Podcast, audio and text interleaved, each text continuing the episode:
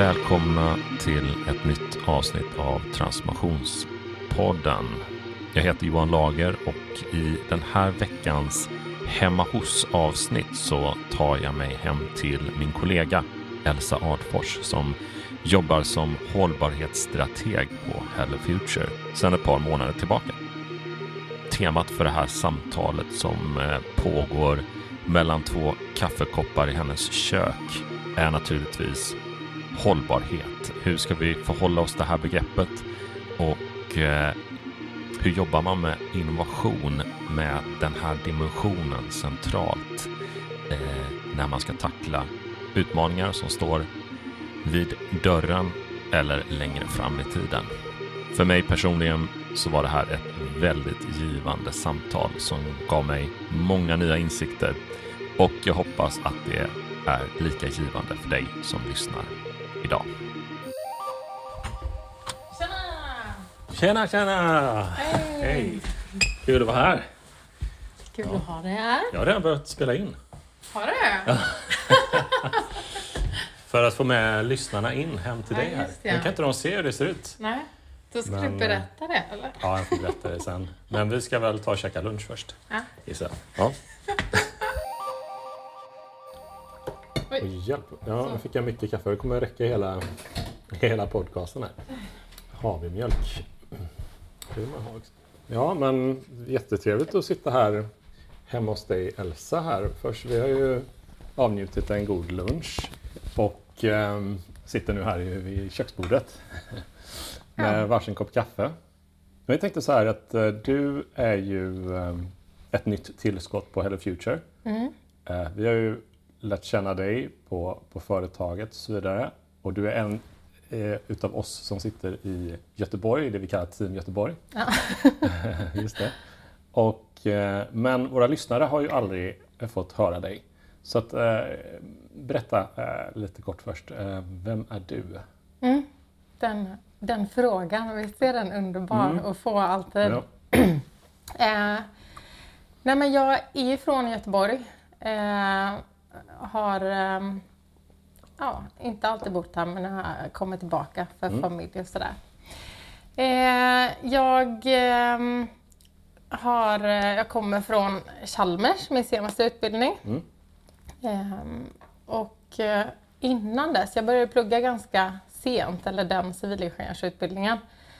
Så innan dess har jag jobbat med kommunikation, kallar man väl det, på ett fint, med ett fint ord, men egentligen på reklambyrå typ. Mm. Och gjort eh, film och illustration och 3D och sådana saker. Det, det hela började väl med att jag pluggade jag hoppade på en, den här bioteknikutbildningen när jag var typ 20. Och så eh, hade vi en labb när man labbar med bakterier. Mm. Så på sådana agaplatta då, där de har perfekta levnadsförhållanden egentligen. Hur mycket näringsämnen som helst, man odlar dem under rätt temperatur och allting sånt. Och så mm, eh, fick vi se den här tillväxtkurvan, hur bakterier växer till. Och då har de liksom först en laggfas, kallar man det, när det, det händer inte så mycket egentligen. Sen så börjar de eh, växa till exponentiellt. Eh, och de gör det ända tills de börjar få liksom svårt att komma åt näringsämnen och sådär. Så då stannar, stannar populationen av och så ehm, liksom de lever på en ganska konstant hög nivå ändå. Så man tror att här går det ändå bra, de har hittat något stabilt läge. Men sen har de producerat så mycket avfallsämnen eh, så att då dör de ut. Så jag såg den här och eh, tänkte att jag såg liksom mänskligheten i den. Herregud, vi är inte smartare än bakterier. Nej. Det här är inte någonting som jag kan liksom vara med och stötta. Så då kom jag in på det här illustrationsspåret. Jag tänkte, skitsamma typ. Jag bara ritar och gör sådana saker för det tycker jag är kul. Du kände att det var för, för stor utmaning liksom? Eller det var, det var, det var ingen idé att... att eh, Jag kände nog lite så ja. ja. Men ehm, För du hade någon typ av engagemang eller idé innan du, när du var runt 20? Eh, var kom Ja. den ifrån? Nej men då var det nog ett liksom mer typ driva utvecklingen, alltså så som vi tänker utveckling med att vi ska ha bättre mediciner, bättre material, bättre allting liksom. Så det var nog det och det var nog därför jag liksom inte heller kunde se att man kan jobba med utveckling på ett annat sätt. Nej men och sen så efter liksom några år med att jobba med då illustration och sånt. För det första så märkte jag väl att om man inte liksom aktivt jobbar för något annat så jobbar man automatiskt för den nuvarande utvecklingen. Eh, och sen eh, så kändes det då naturligtvis inte så meningsfullt för mig eftersom det inte var en utveckling som jag trodde på. Så då omutbildade jag mig till eh, att jobba med hållbar utveckling. Då. Men är det så, är det så svart och vitt? Är det en utveckling som är rent ut sagt bara ohållbar och så finns det ett alternativ? Eller hur ska vi se på det här begreppet hållbar utveckling? Om vi bara dyker in i det direkt. Sådär. För du sa ju det att den här utvecklingen som vi lär oss nu att vi ska delta i, den är uppenbarligen inte hållbar. Och så finns det ett alternativ till det. Eller finns det liksom mycket nyanser av grått i det på något sätt? Att vissa saker är kanske inte så hållbara men på ett sätt kanske de är det. Och jag vet att du brukar prata om att ibland tror vi att någonting är, kanske är hållbart i ett aspekt men inte kanske i ett, eh, en annan aspekt. Nej, men eh, för att ett exempel skulle ju kunna vara som, eh, som elbilar då. Att det här är, Ja, det vi är hållbart Mm. utifrån att eh, vi släpper ut mycket mindre växthusgaser. Mm. Men från en annan vinkel så kräver det massa material som oftast är så Mm. konfliktmetaller eh, från Kongo. Och ja, då blir det ju liksom, ska alla ha varsin egen Mm. elbil så kommer vi inte nå en hållbar lösning på det sättet Mm. heller. Ehm, men jag tycker ändå att det var en lite intressant fråga det här om det liksom är så tydliga motsättningar. Mm. För att jag tror inte att det är det Nej. nödvändigtvis. Men samtidigt så märker jag ju, alltså en väldigt stor drivkraft i att liksom världen går, har gått åt det hållet som vi har hamnat i eh, nu då när man har sådana globala problem. Eh, De, är, de är uppenbara, ja, de globala problemen. Ja, precis. Ja. De är uppenbara. Men en, en väldigt stor drivkraft till att det har blivit så är ju pengar. Liksom, rakt upp och ner så här. Ja. Det, man strävar hela tiden efter att göra saker billigare, göra mer av det man gör. Få ut det, alltså få människor att vilja ha mer saker och sådär. Och där tror jag ändå att det finns ett ganska så tydligt spår om vad som skulle vara mer rätt eller mer fel. Liksom. Att man, ja, man, man behöver utgå mer från behov till exempel än att försöka skapa behov. Så liksom börja i...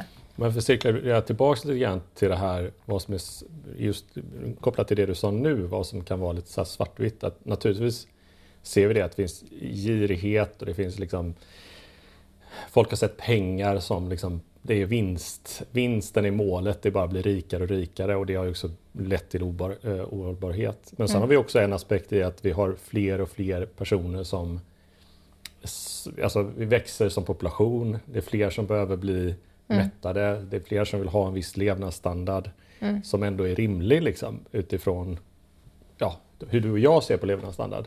Och det har ju också krävt på något sätt att man, man, man ska kunna skala upp saker och ting. Eh, skala upp produktion, eh, globalisering och allting har ju bidragit till en viss ja, men ökning av livskvalitet och, och så vidare. Och så vidare. Men i bakvattnet av det, tänker jag, så har vi liksom inte förstått och sett liksom vad det också konse- genom konsekvens till.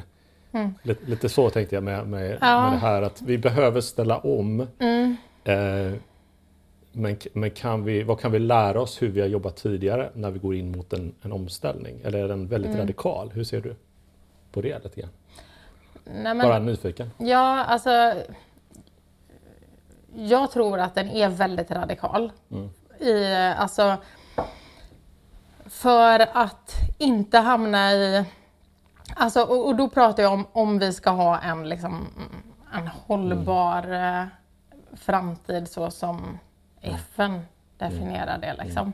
Då tror jag att den är väldigt radikal för att annars kommer man hela tiden att stöta på de här trade-offsen som man kallar det. Mm. Att mm. liksom, okej okay, vi ställde om till eh, elektrifierade transporter mm. men så fick vi det här problemet istället. Mm.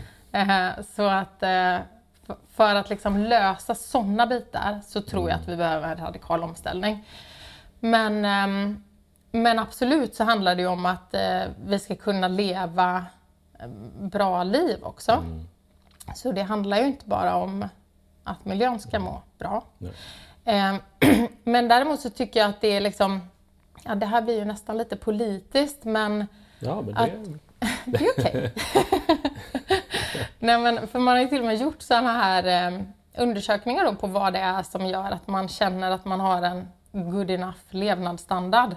Mm. Och det är väldigt sällan baserat på vad faktiskt har för levnadsstandard utan mm. istället är det baserat på vad har människor runt omkring dig för levnadsstandard. Mm. Mm. Så att lever du i en, eh, i en trea i Oslo så kan du vara missnöjd på samma Såklart. sätt som någon som bor i en hydda mm. i Kongo. Mm. Och, ja.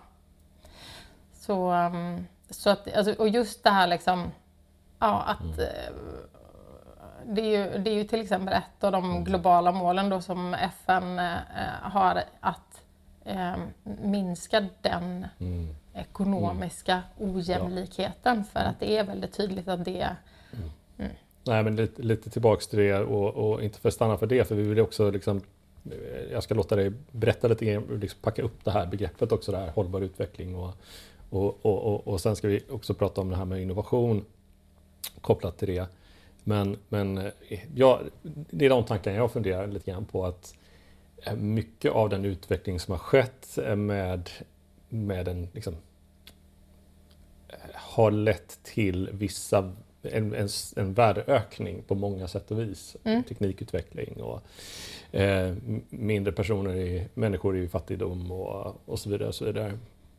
Men också så har det liksom alarmerat liksom att så här så här går det inte att fortsätta om vi ska ta hand om det här. Och då finns det ju naturligtvis en konflikt i det här som lätt blir politiskt. mm, hur ska mm. vi leva? Hur ska vi utveckla samhällen och så vidare. Eh, men också att det finns ju något att ta med sig från eh, att det handlar kanske inte alltid om en, en, en total radikal liksom, förändring utan också naturligtvis på vissa områden behövs det det. Men också att, det, att, att sättet vi har gjort den här utvecklingen på handlar ju också om att folk och företag och organisationer, de vill vara långsiktigt hållbara, konkurrenskraftiga och så vidare. Mm. Och då finns det en anpassning till det också mm. utifrån att ja, men om vi ska kunna konkurrera på en marknad så behöver vi också tänka på andra värden mm. än de vi har gjort tidigare. Och jag som har jobbat med småföretag i så många år och medelstora företag så vet jag att de som driver och startar de här företagen, de tänker ju inte bara pengar såklart, utan de tänker ju att de, vill, eh, de brinner för någonting. Ja. de vill vara självständiga, de vill kunna anställa personal. De vill kunna ha ett, ett, eh, företag, de vill kunna bidra egentligen till samhället mm. genom att de har ett företag eller en, en, en, ett snickeri någonstans eller möbelfirma eller någonting som, som bidrar till arbetstillfällen i, på den orten de bor och så vidare. Mm. Eh, och de har ju de drivkrafterna och de kanske, inte, de kanske känns som att det är orättvist att säga att ja men ni har bara drivit företag för, för att tjäna pengar tidigare. Mm. Uh, nu behöver ni ställa om och tänka på något annat. Och då kanske de tänker, ja, jo, men pengar har varit ett medel, kanske inte ett mål. Uh, men kunskapen om hur man ställer om till att jobba mer hållbart är kanske låg. Och då gör man inte den omställningen. Mm. Um, ja, jag tänker lite högt. Men, men... Ja, och jag tänker eh, Alltså när man tittar på så här företags hållbarhet mm. som också, mm. precis som du säger, handlar om hur håller mm. vi långsiktigt ja. igenom ja, utvecklingar. Då är det ju faktiskt ganska tydligt att de mm. företagen som vi har i Sverige som har levt igenom mm. flera generationer, mm. det är sådana som har varit ganska värderingstunga. Liksom. Mm. Att man eh, ofta kanske familjeföretag för Mm. att man inte har samma, man har inte den här eh, eh, investerarna som sitter och pushar om mer eh, tillväxt och så heller utan man får faktiskt liksom utrymme att göra mer långsiktiga investeringar. Inte en Och, massa aktieägare som sitter och ja, stressar en. nej. Nej. Mm. Ehm, men, men det är nog det som jag... mm, Liksom, det, det, det är nog en del i det jag menar att eh, både för ens egen skull men också för liksom, samhällets skull eller större perspektiv att jag tror vi behöver bli mycket mer värderingstunga. Mm. Och det är en stor omställning, i alla fall i mitt huvud, att se ett samhälle som är, har det som i första rummet. Liksom. Det är värderingarna man bygger någonting utifrån. Och sen, eh, sen så är det mycket möjligt att, att det skulle kunna ge samma resultat. Att bara ha så här, och, ja, vi har kvar det vinstdrivna men man måste göra på vissa sätt. Man är styrd av lagar och regler och, och så vidare. Så kanske det skulle kunna se likadant ut egentligen. Men, eh, mm. Jag får fortsätta med det här vad vi menar. Du har varit inne på det, något som håller över tid. Det är Mm. något som är hållbart, något som kan gå igenom olika generationer. Och eh, sen finns det det här som många lyssnare naturligtvis har, har hört, men det som det här People, Planet, Profit var ju en modell. Är, är den fortfarande liksom relevant att prata om 2022? Jag har inte ens hört om den Jag har modellen. inte. Nej. men berätta om den då. Nej, men det, det är ju ett, ett sätt att se på hållbarhet, eh, speciellt inom om man driver företaget. Man ska tänka på planeten, men också människorna på planeten. Men man ska också vara ekonomiskt eh, hållbar. För det är ju någonting som definierar att du är ett företag. Det är att du ska vara ekonomiskt hållbar. Alltså du ska kunna drivas med, eh, med vinst. Och sen finns det olika sätt att återinvestera den vinsten eller och så vidare. Men det är för att du ska kunna över, överleva som företag så det ju, eh, måste du gå med vinst. Ehm, men men det, när du har någon typ av symbios mellan people, planet, profit, det, det är då du kan på något sätt eh, jobba med en hållbar verksamhet Ja. egentligen. Nej men det, det, kan, det kanske är att jag inte har hört det på engelska men egentligen är ju det som du pratar om är ju precis grundpelarna i Ja. vad hållbar utveckling är för någonting. Att man måste se till både eh, människor, eh, eh, planet och, eh, och också den ekonomiska biten. Just det. Så absolut är det fortfarande relevant. Mm. Är det.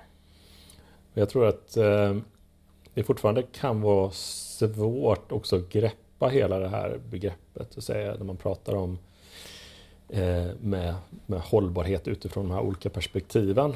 Mm. Vad skulle du säga är liksom en, enklast, eh, vi har varit inne på det, vi- vi- liksom, vad är det för typ av lägsta inställning man kan ha till det så att säga när det gäller hållbarhet? Alltså det kanske är de här olika bitarna, att man måste ta, ta hänsyn till de olika aspekterna. Jag vet att vi har pratat tidigare Mm. om, om metaforer, man, man, man pratar om kanske sitt liv eller sin verksamhet eller sitt företag eller vad det är som olika, som en, som en trädgård. Ja, lite, du visade ju min trädgård här utanför, den lilla, lilla odlingen där utanför som har blivit angripen av mördarsniglar. Nej, men man, måste, man måste ha ett helhetsperspektiv och det kanske inte alltid är så lätt att ha. Så att, säga, att man måste se vad som pågår Mm. på- på de olika åkrarna eller de olika delarna i, i trädgården. Om man säger. Mm. Hur, hur lyckas man gå, gå, gå in och liksom jobba fokuserat kanske med någon del men inte tappa helhetsperspektivet på allt som pågår? Mm. Alltså bland annat tänker jag att det är väldigt, eh, när man jobbar med problem i sin verksamhet, att man, eh, att man börjar med att zooma ut. Försöker se sin verksamhet i det större systemet. Mm. För att åtminstone få någon, någon typ av överblick över vad det är som påverkar den. För att också kunna se då att liksom eh, Ehm, ja, men om, om vi jobbar med att utveckla den här biten, är det någonting annat som kommer att Mm, bli just det. kompromissat då? Just det. Så att, ehm, ja, liksom de här åkrarna, det är ju väldigt mycket det hållbar utveckling Mm, handlar om, mm. att försöka se till helheten. Mm. Att eh, vi kan inte bara fokusera på bra infrastruktur, Nej. utan vi måste också fokusera på Mm. att ha ett eh, rikt djurliv till exempel. För att ja. annars så, så, och även om det är liksom, det är ju människan som är i fokus i slutändan. Mm. Så, men, men det är ju fortfarande att vi får inte glömma alla de här bitarna som vi får av naturen då. Nej. Man börjar ju se det mer och mer med vattenbrist Mm. och, och det är liksom eh, Vatten leder till krig och det blir krigsflyktingar och det blir eh, mm. en annan politik som börjar Mm. drivas. Och, Mm. Så att eh, ja, det som händer just nu i världen tycker jag är extremt kopplat till att Ja. man inte har haft ett Nej. helhetsperspektiv och ser Nej. liksom, vad kallar man det, sådana här eh, kedjor. Mm. Cause event. Nej. Ja, ja, jo, precis. Det är ju det är svårt också. Ja, Det är ju väldigt Ja. svårt, alltså man kan ju titta på det i efterhand. Men eh, under tiden Mm. så, eh, så handlar det ju också mycket om att vara uppmärksam. För Mm. att det är väldigt svårt att, veta konsekvenserna när man eh, liksom jobbar med, med. Men jag tycker det är, om vi... eh, vi tar en, jag ska ta upp den tråden snart igen.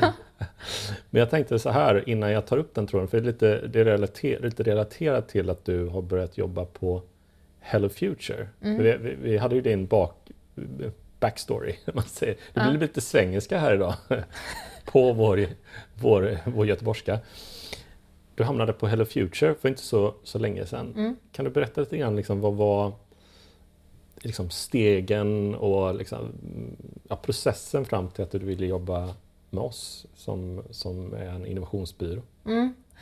Jag kom, innan jag började jobba hos er så hade jag jobbat i ett eh, forskningsprojekt. Mm. Och eh, jag tycker forskning är jätteintressant och väldigt eh, nödvändigt. Men jag tycker att det saknas en liten länk ofta. Mm. Att eh, man hittar massa bra grejer Mm. i forskning men så får man inte ut det i verkligheten.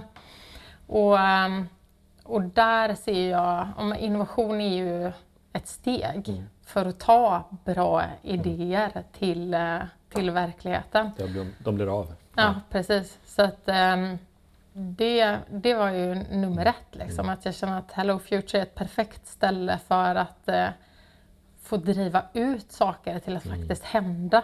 Mm. Och sen så tycker jag också att ehm, när det kommer till eh, hållbar utveckling kallar man ju det.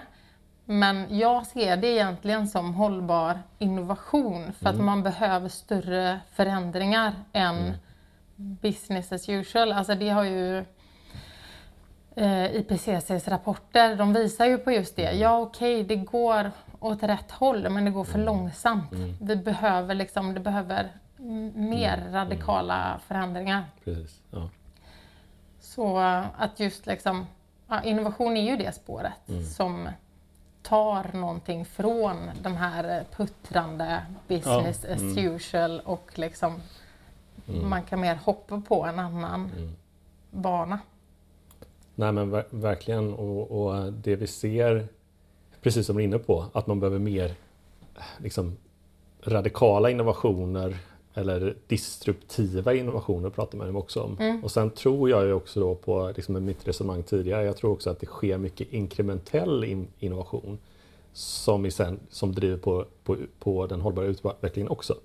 Eh, så det är väl det lite grann. Och vi behöver inte grotta ner i hur, eh, varför, men jag tror att det finns också en, vi får inte fastna för mycket i att, att eh, ja, vi ska bara vänta på den här nästa stora liksom, revolution- revolutionerande lösningen. Nej. För jag tror att många av våra kunder då, som vi pratar om Hello Future, vi jobbar ju med många samhällsbyggare. Alltså inte för att nämna några kunder direkt, men, men, och de är väl ingen, ing, kanske ingen eh, hemlis heller för, för de som lyssnar. Men vi jobbar med kollektivtrafik, det har varit vård och omsorg, det har varit du jobbar ju med eh, också liksom, byggföretag.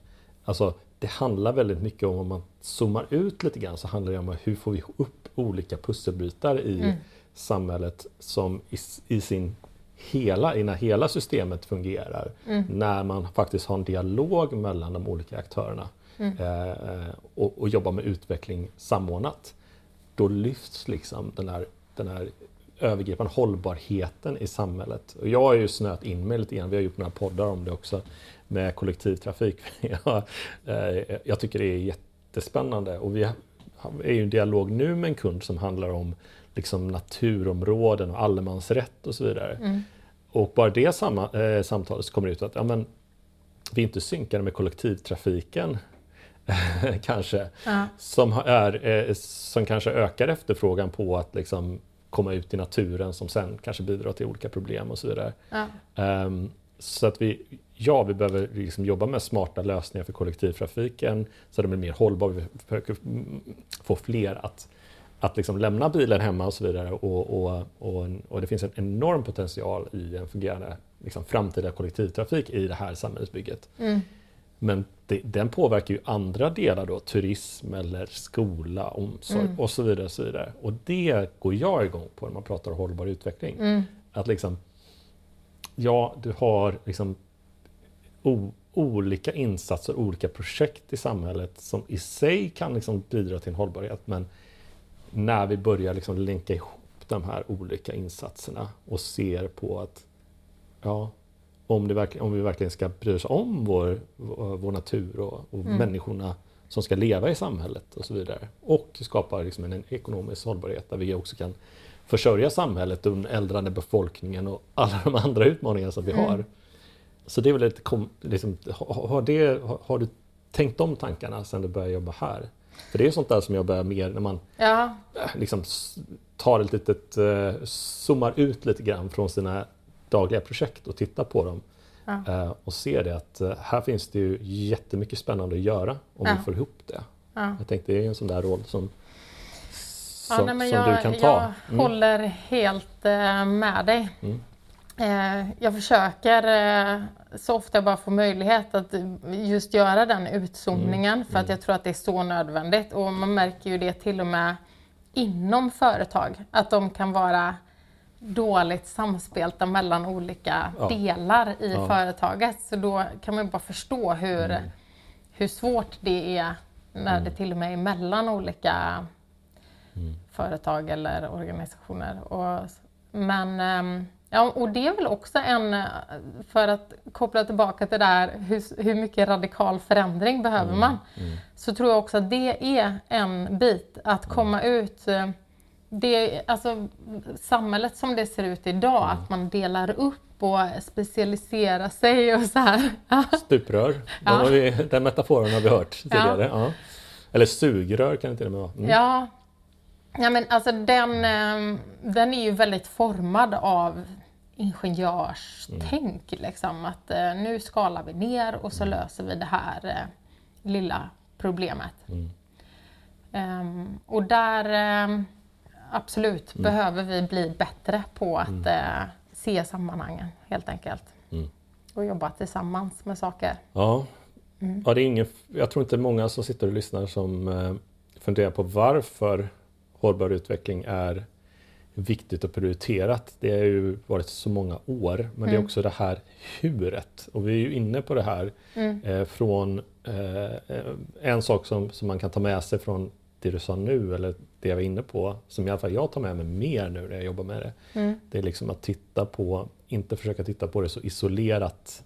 Naturligtvis behöver man göra det avgränsat också för att skapa, för liksom få fart på saker och ting. Mm. Men, men just att det finns en nyckel i hur, hur samhället som organism, liksom, eller städer, man pratar om smarta städer. Mm.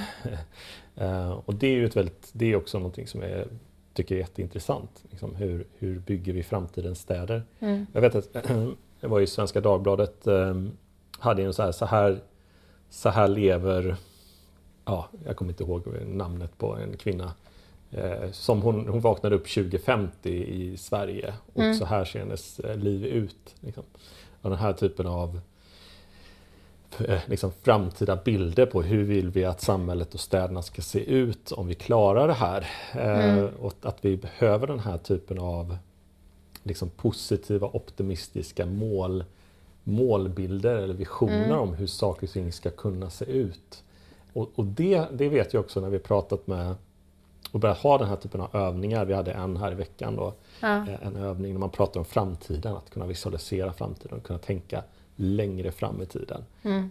Med pandemi och oroligheter i, i, i Europa och så vidare är det jättesvårt att tänka längre än, än liksom till semestern. Eller vad det Mm. är. Ja. Men eh, ja, det här tycker jag är lite intressant för att ehm, det finns... Eh, alltså, att jobba med visioner. Mm. Jag förstår poängen med det.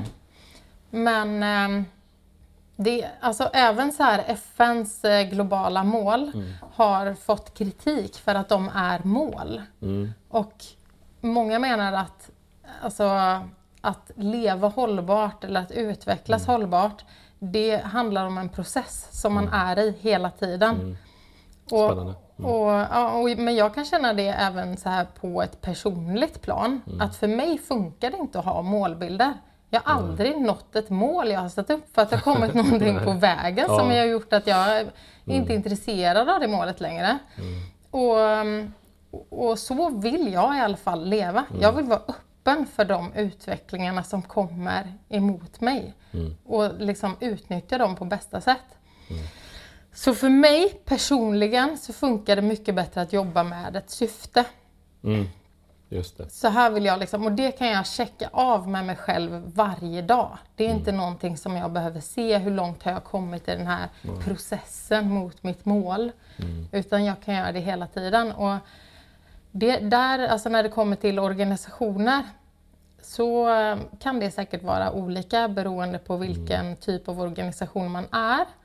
Men jag skulle nog ändå så här rekommendera att man checkar av det med sig själv eller i organisationen om det ens är relevant för en att jobba med en vision eller mot en målbild eller om man hellre vill jobba syftesdrivet. Liksom. Men grejen är, jag är ju jag är ju likadan som dig. Alltså just mål, eh, man är lite olika där vad man drivs av. Och jag har också svårt eh, med, med mål. Eh, eller man kallar det, jag skulle kalla det kanske målbilder där det finns vissa saker som är sanna. Eh, där, där jag lever, man säger, där, där de här syftena som du pratar, med, pratar om, liksom, eller de här värderingarna eller de här värdena är liksom realiserade eller de här problemen är på något sätt lösta på ett eller annat sätt. Men det är jättesvårt att säga. Det är därför jag, jag tycker ju, och vi jobbar ju med den här typen av, vi vi vill ju att, eh, och hjälper ju organisationer att jobba med, med eh, den framtidsvisionen som är väldigt viktig för att liksom kunna jobba med innovation överhuvudtaget.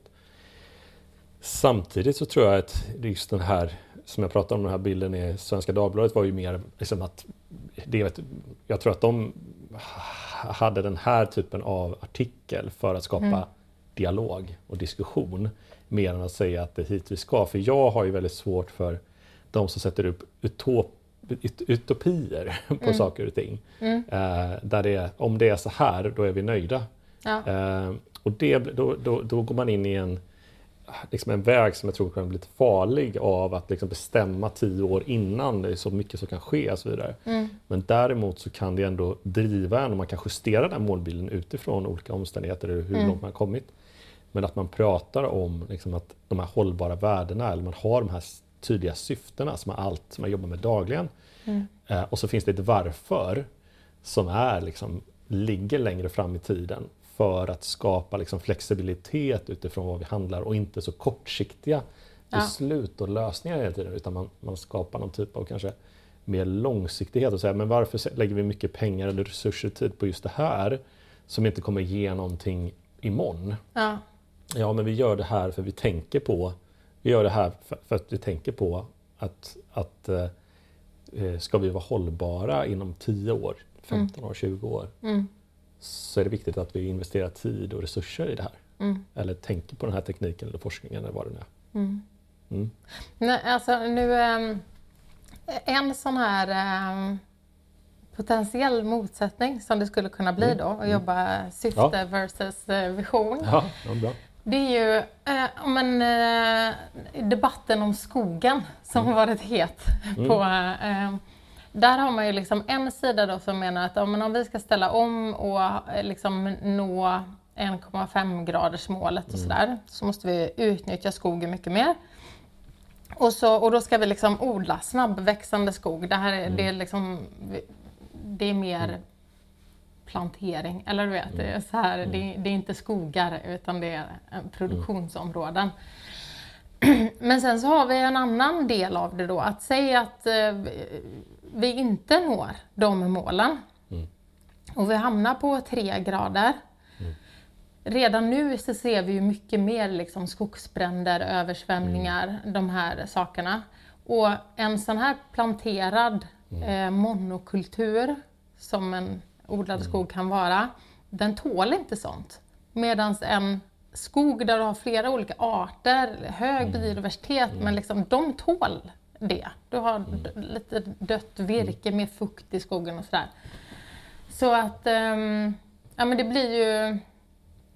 Jobbar du då efter en vision att eh, vi ska producera, eh, vi ska ha netto noll i utsläpp, då kanske det är den bilden, monokulturen skog. Men om du jobbar med ett syfte att kunna producera eh, virke över lång tid och ha liksom ett eh, resistent skogsbruk, då får du en annan, någonting annat som du jobbar med.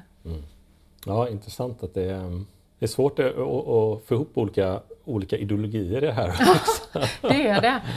Och, för att nå det här. Och, vara, eh, och du sa det här, vi kanske kommer bli politiska, men vi, Mm. vi får se hur, vi, hur det här samtalet utvecklar sig. För det är som sagt var, det är ju valår och det är ju eh, mycket fokus på de här frågorna. Ja. Så vi får se lite grann hur diskussionen är. Men det är uppenbart, oavsett om man sätter någon politisk färg på det här samtalet, att eh, oavsett om man tycker de här frågorna är viktiga så har man väldigt olika inställningar till hur, hur man ska nå den här, den här målbilden också. Ja. Eh, och, och det är väl den där verktygslådan som man hela tiden måste eh, testa sig fram med. Eh, och eh, också bidra till mycket med att det, att det inte alltid är så enkelt heller. Nej, att och, och säga- Mm. att det inte finns liksom så här en rätt lösning oftast, Nej. utan du behöver jättemånga olika Mm. lösningar. Att man, du, alltså det är ju som när det kommer till energi då. Du skulle ju Mm. aldrig säga så här, ja men ska vi köra på sol, vind eller vatten? Utan Mm. Ja. Mm, då säger du vi behöver allt, eller hur? Och så tror jag att det är väldigt många olika Mm. bitar när det kommer till det här. Också det här sy- systemet, att saker och ting kompletterar varandra Ja. också. Ja, finns det något mer på, på, på hu, huret? Jag vet att du är ju en eh, förespråkare för något du kallar magkänsla och, Ja. och flow. Kan du utveckla det lite grann? Ja, nej, men ehm, det är... Alltså jag var och gjorde ett studiebesök på Berte gård. Mm. Eh, och det är kanske Sveriges äldsta företag, om det inte är det allra äldsta så är det i alla fall ett av de äldsta. Men det var väldigt intressant att höra hur de har jobbat. För de har ju verkligen hållbarhet i fokus då. Deras li- liksom, eh, ledord i verksamheten är att eh, vi har inte ärvt eh, marken av våra föräldrar utan vi har lånat den av våra barn. Mm. Det tycker jag är ett väldigt fint Mm, eh, tankesätt. Ja. Nej men ehm, de har ju liksom också, för det första jätteinnovativa, så där är ju verkligen så här hur det kopplar ihop. Mm. Men de har också gått på den här magkänslan. De hade bland annat eh, så kände de någon gång, om det här var morfan till hon som är VD nu, att eh, jag vill inte använda så här mycket kemikalier när jag rengör min kvarn. Så han byggde om hela kvarnhuset för att kunna rena den bara med vattenånga. Strunta i alla kemikalier. Och det var ju liksom eh, det var ju inga lagkrav som sa att han behövde göra så eller du vet. Han var bara pushad av sin egen magkänsla. Men idag är det så man gör. Så man kan ju liksom, jag tror att det finns ganska mycket att hämta där. Alltså det är, min, min eh, man, han har sagt det någon gång när jag har pluggat allt det här med miljö och sådär. Att jag bara, jo men jag, alltså när jag var fem år så satt jag och tittade på de här oljeraffinaderierna Mm. i hamnen hur de bara sprutar ut eh, mörk ånga. Och så tänkte jag att det här kan ju inte vara bra. Mm. Och sen så ska det ta liksom 30 år Mm. med forskning för att man ska kunna säga så här, nej det här är faktiskt inte bra. Nej. Och, då, och där menar jag att jag tror Mm. att magkänslan eh, kan göra att vi kan agera snabbare Mm. på saker. Och den är liksom... Min mamma brukar säga att magkänslan är alla ens erfarenheter samlade. Mm. tycker jag är lite fint. Mm. Men det är också ett, eh, ett fint sätt att, att, att säga att människan i grunden har liksom en god intention. Mm. Eh, och borde kanske lyssna mer på, på magkänslan. Mm. Men också forskningen naturligtvis. Jo, men, forskningen först och så magkänslan sen. jo, precis. Ja, det är väl klart att det Som finns eh, någon, eh, exempel där magkänslan har varit Ja. fel också. Om man följer någon konspirationsteori eller något liknande Ja. på magkänsla. Ja. Nej, men jag tror också så här, koppla tillbaka till det här med syfte då. Mm. Och som du pratade om värderingar. Att om du har koll på dina värderingar, Mm. då kan du ju liksom, du får en ny situation framför dig eller en ny möjlighet Mm. framför dig. Då kan du faktiskt gå in i den möjligheten och kolla vad har, vad, vad har den här möjligheten att ge Mm. mig utifrån mina värderingar, det som jag tycker är viktigt. Mm. Det kan liksom göra det enklare för en att ta beslut varje Mm. dag egentligen. Jag, jag funderar på det här med eh, just en värdering som är väldigt viktig när man jobbar med innovation. Mm. Det är ju det vi använder här, liksom, eh, eh, ja, men människocentrerad design. Mm. Eller också, system, man också sätter människan i, system, i, i, i sitt system som vi pratar om. Då, men att man utgår från de behov eh, som, som eh, man försöker gå lite mer till grunden av de mänskliga behoven Mm. bakom innan man tar fram en, en, en lösning och så vidare i, i tjänstedesign och så vidare.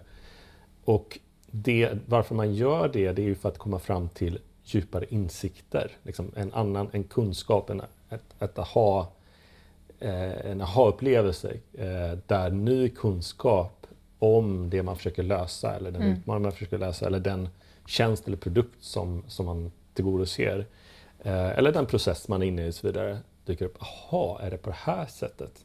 Jag tror att, eller vad jag har sett och jobbat med den här metodiken i, i många år nu, det är när, en grupp får de här aha-upplevelserna, när man har tittat på problem på olika, eh, olika från olika synvinklar.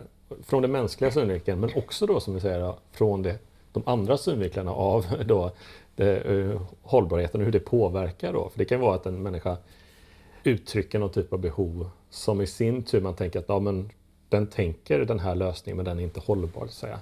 Mm. Eh, när, när, när vi får samsyn kring hur, hur det verkligen ser ut och får de här aha-upplevelserna då triggas liksom vår magkänsla igång på något sätt och Ja. vår kreativitet och vår fantasi på hur saker och ting kan se annorlunda ut. Mm. Men det är väldigt svårt om man inte gör den resan ut och Mm. gör den, liksom, den forskningen, eller den, de, man tar de stegen ut och försöker faktiskt vända på lite stenar och lite frågetecken. Mm. Så tänker jag nu i alla fall att, att bara, ja men vi står still här, vi, vi känner att ja, hur ska vi ta oss framåt? Saker ser ut likadant ut, vi, vi kan inte bryta den här cykeln, det, vi, vi, vi lyckas inte med de här hållbarhetsmålen och så vidare. Mm. Eh, Jag säger inte att det är en lösning på allting, men det finns någonting där just när man pratar innovationsmetodik och så vidare, där det handlar om att frigöra sin fantasi och kreativitet Mm. Och börja labba med någonting annorlunda, någonting nytt. För det är Ja. det allt innovation handlar om, det är ett nytt värde, liksom. Ja. en ny lösning på ett befintligt eller ett framtida problem. Mm. Ja, nej, men jag tycker det är, det är ett så vettigt ramverk, eller så här tjänstedesign, verkligen alltså. Och ehm, ett sånt här ehm, drömprojekt för mig, Mm. som man någon gång skulle vilja få till i framtiden, Ja. Är eh, att titta på avfallshantering i Mm. utvecklingsländer. Ja. För att det är ju... Du, alltså tekniken finns, Mm. det är inte det som är problemet. Ja, så att, och, och det som har hänt eh, flertalet gånger då, det är att en stor aktör som har rätt teknik går Mm. in och säger men nu bygger vi ett jättestort eh, förbränningsanläggning eller vad det nu är Mm. man gör då. Och så eh, faller det för att det finns ingenting i kulturen som funkar med den lösningen. Så att liksom eh, ja, att gå in istället och titta på vad har vi här Mm. liksom. Vad är, vad är det för vanor vi jobbar Mm. med? Vad är det för Människan. Liksom, Ja. människan i Mm, mm. fokus? Jag tror att det är så viktigt och också det här liksom, det är också det här eh, ingenjörshjärnan Mm. som har ställt till det lite grann tror jag. Eller det är, det är väl någonting som har funkat jättebra historiskt Mm. många gånger. För att, eh, men, men nu behöver vi mer av det här eh, systemtänket och behovscentrerade tänket som Mm. tjänstedesign ger oss. Liksom. Man säger det, första steget i den processen är just empati och det är ett Mm. begrepp som kan kännas väldigt ludd, kanske lite luddigt ibland. Ja, nu ska vi börja jobba med empati, ha empati här och eh, jag ska göra mitt arbete och jag ska vara professionell men jag ska vara empatisk också. Men jag, jag tror att det är, det, det är ett värde, jag tror att det är få saker som, som väcker den här magkänslan och det här flowet som just empati för någon Mm. för, för den kontexten eller det som ska lösas. Och det kan ju komma utifrån hur vi ser att natur eller djur, alltså vi, vi ser ju bränder nu i, Mm. i, i skogsbränder på grund av, av, eh, av värmeböljor och så vidare. Väcker, det kan ju väcka eh, rädsla, det kan väcka distans eh, Mm. och så vidare. Men när vi hittar den punkten där det kan väcka empati, Mm. då blir vi också väldigt Ja men vi blir, problem, vi blir orienterade i problemet och lösningarna på, ett- på ett annat sätt. Ja. Som gör att vi har också energi och, och vilja och drivkraft. Mm. Och vi har tydliga syften. Mm. Ja, men det tror Jag jag ska fundera är jätteviktigt. Och där, ehm, ja, men det är ju ett sätt då man kan komma igång om man Mm. är i den fasen. Att hur ska man komma igång? Så är det ju liksom eh, Mm. att komma ut och se. Mm. Om det är liksom, se de fabrikerna som du jobbar med. Eller se de åkrarna som Mm. eh, dina, din råvara odlas på. Att Mm. liksom verkligen få se det och uppleva det och inte bara sitta och, och läsa om det. Nej. Nej, men det är, ett, eh, det är ett väldigt fint och användbart ord ändå. För, för det handlar ju om att sätta sig i, i någon annans skor. Mm. eller promenera i någon annans fotspår. Eller man har olika metaforerna för det som gör att alla kan faktiskt relatera till det. På något Mm. sätt att okej, jag måste jag måste ta ett annat perspektiv. Och när jag har tagit ett annat perspektiv så ser jag helt plötsligt utmaningen eller problemet eller, ja, eller möjligheten så att säga från, från annan vinkel. Mm. Ehm, och ehm, då kommer de här lösningarna.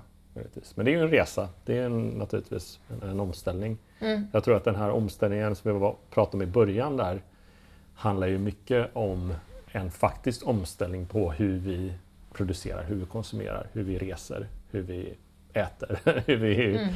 hur vi lever. Men det är också en omställning i, i värdearbetet. Ja. Hur vi liksom ser på världen, hur vi ser på oss själva, hur vi ser... På våra Ja. mat, som vi pratade om innan. Va? När vi pratade om det innan med, ja, men till exempel hur man ser på sin mat. Du var så eh, fascinerad över eh, kockar som Ja, kan ja, ja. behandla råvarorna med respekt. Ja. Det är. Mm. ju nästan, alltså det är ju på samma spår. Att eh, känna någonting mer än att det bara är, är någonting som Mm. Precis. jag Ja. behöver. Ja, lyssnarna hörde ju inte vår konversation under lunchen här. Vi kanske skulle ha spelat in det också. Men ja, ja precis, precis. Det var ju en, eh, något jag nämnde för dig, absolut det här med hur mitt intresse för sådana här kocktävlingar Mm. eh, fick en helt, eh, helt, helt, eh, en helt annan eh, nivå här under vintern när jag fastnade framför de här tv-programmen under, un, under pandemin. Det är fantastiskt att se faktiskt. Det är ju, jag vet att jag har pratat om kockar och kokböcker här för inte ganska nyligen. Ja. Eh, Vi kanske fortsätter med de metaforerna här kring att jobba med innovation. Eh, För vi pratar ju om att eh, eh, ja, men vi håller på att jobba med en kokbok. Det är vår metafor för demokratisera liksom, tillgången till metoderna för att jobba med innovation. Mm. Så att alla ska kunna stå i köket i princip och laga rätterna Mm. och kunna experimentera med dem. Men något att ta med sig där och kanske hur man ska tänka, man ska tänka innovation, det är faktiskt, det är faktiskt en väldigt stor respekt för råvarorna. Liksom. Ja. För ingredienserna. Mm. Ehm, och ehm, ja, det, det, är, det är alltid roligt att se när någon brinner för någonting. Ehm, och att brinna för mat är ju det är, det är rätt fantastiskt på ett sätt för det är ju någonting som vi hela tiden stoppar i oss och vi måste ha. Mm. Så, så det är roligt att det finns någon som, som, som brinner för det och det kan vi ta med oss in också. Liksom. Det är det som inspirerar mig. Mm. Vad är det jag brinner för? Vad är det för förändring jag vill göra? Vad, vad vill jag presentera? Vad vill jag lägga på tallriken? Det är, inte, det är ju kanske inte potatisar och hå- vad, vad heter den där osten? för det kan, kallas inte halloumi va? Som jag fick äta. Grillost. Nej. Ja, grillosten. Svensk grillost. Det är, kanske, det är kanske något annat jag kan bidra med. Samtal till exempel med kollegor. Mm. Facilitera processer, hjälpa till med den här typen av insiktsarbete. Så kan jag bidra med, med, med min del i, i det hela. Mm. Ehm, ja. ja, men det har varit ehm, väldigt eh, trevligt att komma förbi och besöka dig första gången Mm. här i Mölndal. Vi ska inte ge, ge dem exakt adress. Nej, men ehm, och jag, jag, jag hoppas kunna besöka fler kollegor och göra sådana här samtal kring, kring ämnen som vi brinner för och som vi tycker är viktiga och eh, som vi kan ha intressanta djupare samtal med. Så att, eh, tack igen för att jag fick komma förbi. Tack för att du kom Eh, förbi. och hålla det här samtalet. Att jag skulle kunna komma förbi tror jag inte var något problem, men jag skulle få göra en podd. eh, Det var ju kanske inte helt självklart, eller det kanske var självklart. Eh, Det var i alla fall väldigt roligt att prata om de här grejerna. Jag har Mm. suttit och, och, och liksom tagit in väldigt mycket av det jag sagt och, försökt, och, och, och, tänkt och kanske det har märks också på samtalet. Och jag tar med mig mycket härifrån, ska jag säga, kring att tänka på hållbarhet. Mm. Och det hoppas också eh, våra lyssnare har. Så med det sagt så avrundar vi det här samtalet. Vi ska väl eh, fortsätta jobba på eftermiddagen här. Eh, och eh, för dig som lyssnar så, är du, eh, så, eh, så kommer du få ett, ett avsnitt igen om eh, ungefär två veckor att lyssna på. Till dess får du ha det så bra. Tack Johan. Tack, tack. Hej. Hej.